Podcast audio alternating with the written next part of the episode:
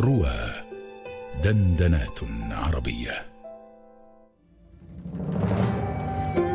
الرومي على رواه في رمضان.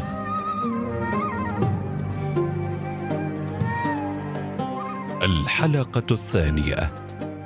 عربي.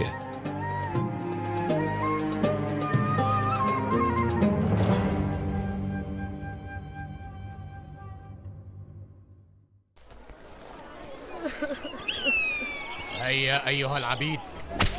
هيا.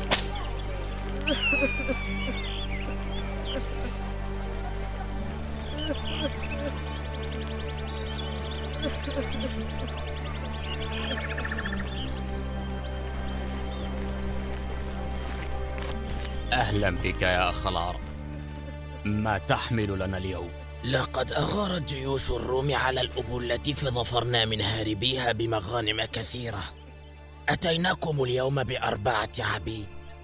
كما ترون ثلاثة كهول وصبي. للكهول شأن ولهذا الصبي شأن آخر. فما شأنه؟ إنه ابن سنان بن مالك عامل النعمان على الأبلة آخر العمال ربما. ابتغوا إرسالهم قبل الحرب إلى الثني كي يكونوا في مأمن حيث منازل النمر بن قاسط. فأسرناهم وأخذنا هذا الفتى وأخاه وتركنا أمهما تجوب البيداء إذ لا طاقة لنا بكثير نحيب وبكاء وهي من تميم ولا طاقة لنا بسبي حرة منهم. ثم أغار علينا قوم فابتدرنا الفتى ولم نستطع أخاه ففلوا به. نبأ شائق بكم تبيعني إياه؟ أربع أوقيات. ثكلتك أمك يا رجل. كل هذا في غلام لما يجاوز السادسة بعد. قصصت عليك نبأ فاقصصه على من تلاك تشريه بحظ وافر. أه، أوقيتان وأكون الخاسر. وهو كذلك. خذه. عمت صباحا يا أخ العرب. تعالوا يا عبيد السوق. تالله لقد بعته بخمس أوقيات اثنتين منه. وثلاثة من جيب الصبي. ما أجزلها من بيعة.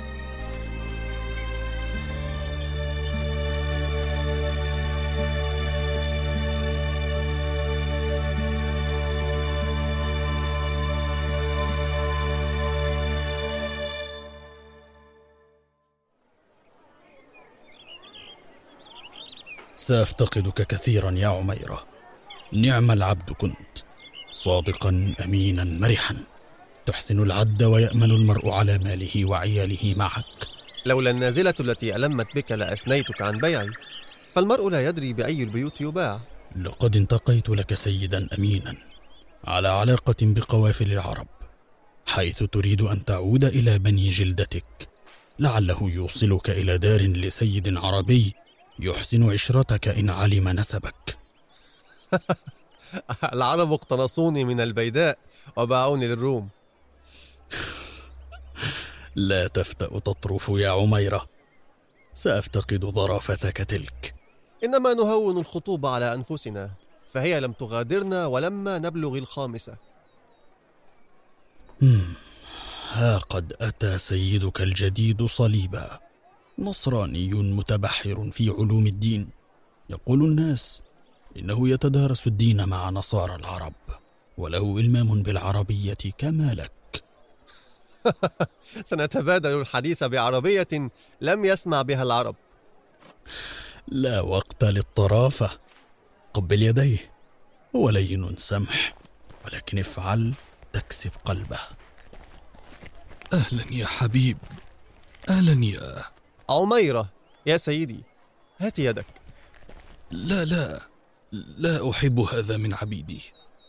إنما أستأمنك فتكون لي عونا وقد أطرى عليك حبيب أيما إطراء. قال إنه لولا النازلة ما شراك. هذا حق والله. إن عميرة لعبد حكيم ذو نسب في بلاد العرب. يحسن الحساب والأهم أن سهمه لا يخطئ أبدا. له ما للعرب من إتقان للرماية. هلم يا عميرة ودع سيدك ولنمضي. فلدينا عمل اليوم نختبر فيه صبرك على المشقة. اطمئن يا سيدي لم أصبر في حياتي كما صبرت على المشقة.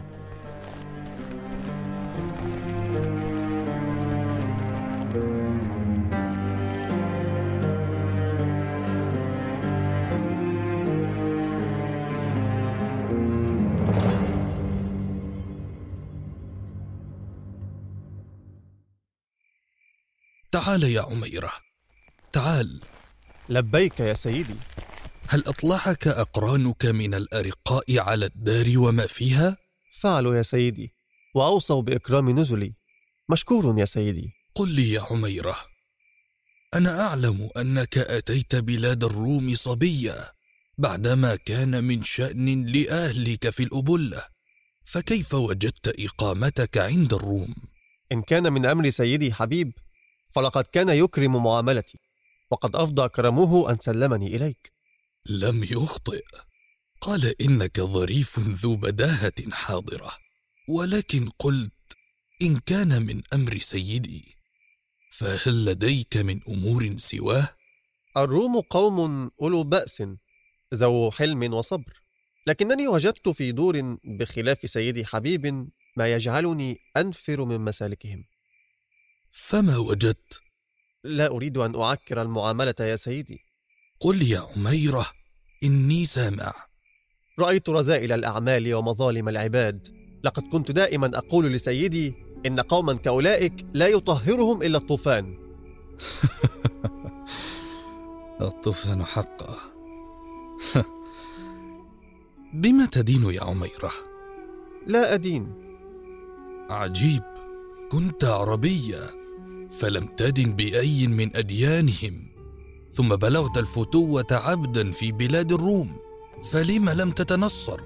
أحببت مخالطة القساوسة وسماع أحاديث من يختلفون إلى سوق العبيد من شتى الأقطار ولكن مكانتي عبدا لم تكن تسمح لي أن أتبحر علما في الأديان فلم يقنعني دين إن قوما من نصارى العرب يأتونني كل حين نتدارس الكتب ونطلع على أخبار ما فيها.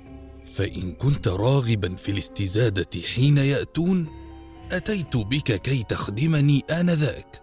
تصاحب من بني جلدتك وتلتقط أذناك ما قد يشرح صدرك. ولكن لا تقص هذه الأنباء على من عداك من العبيد. لا أستطيع وفاء شكرك يا سيدي. أفعل إن شاء الله. حللت أهلا. يا عميرة.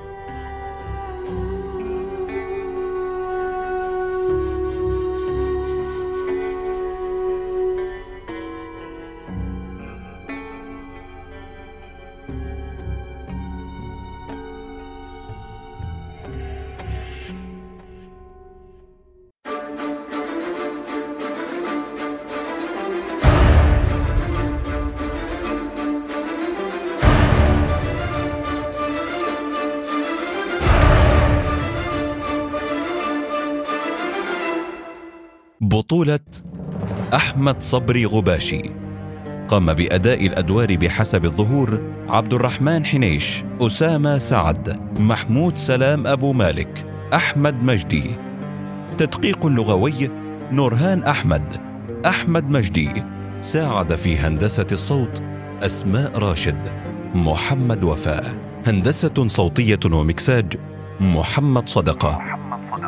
سيناريو وحوار وإخراج أحمد مجدي.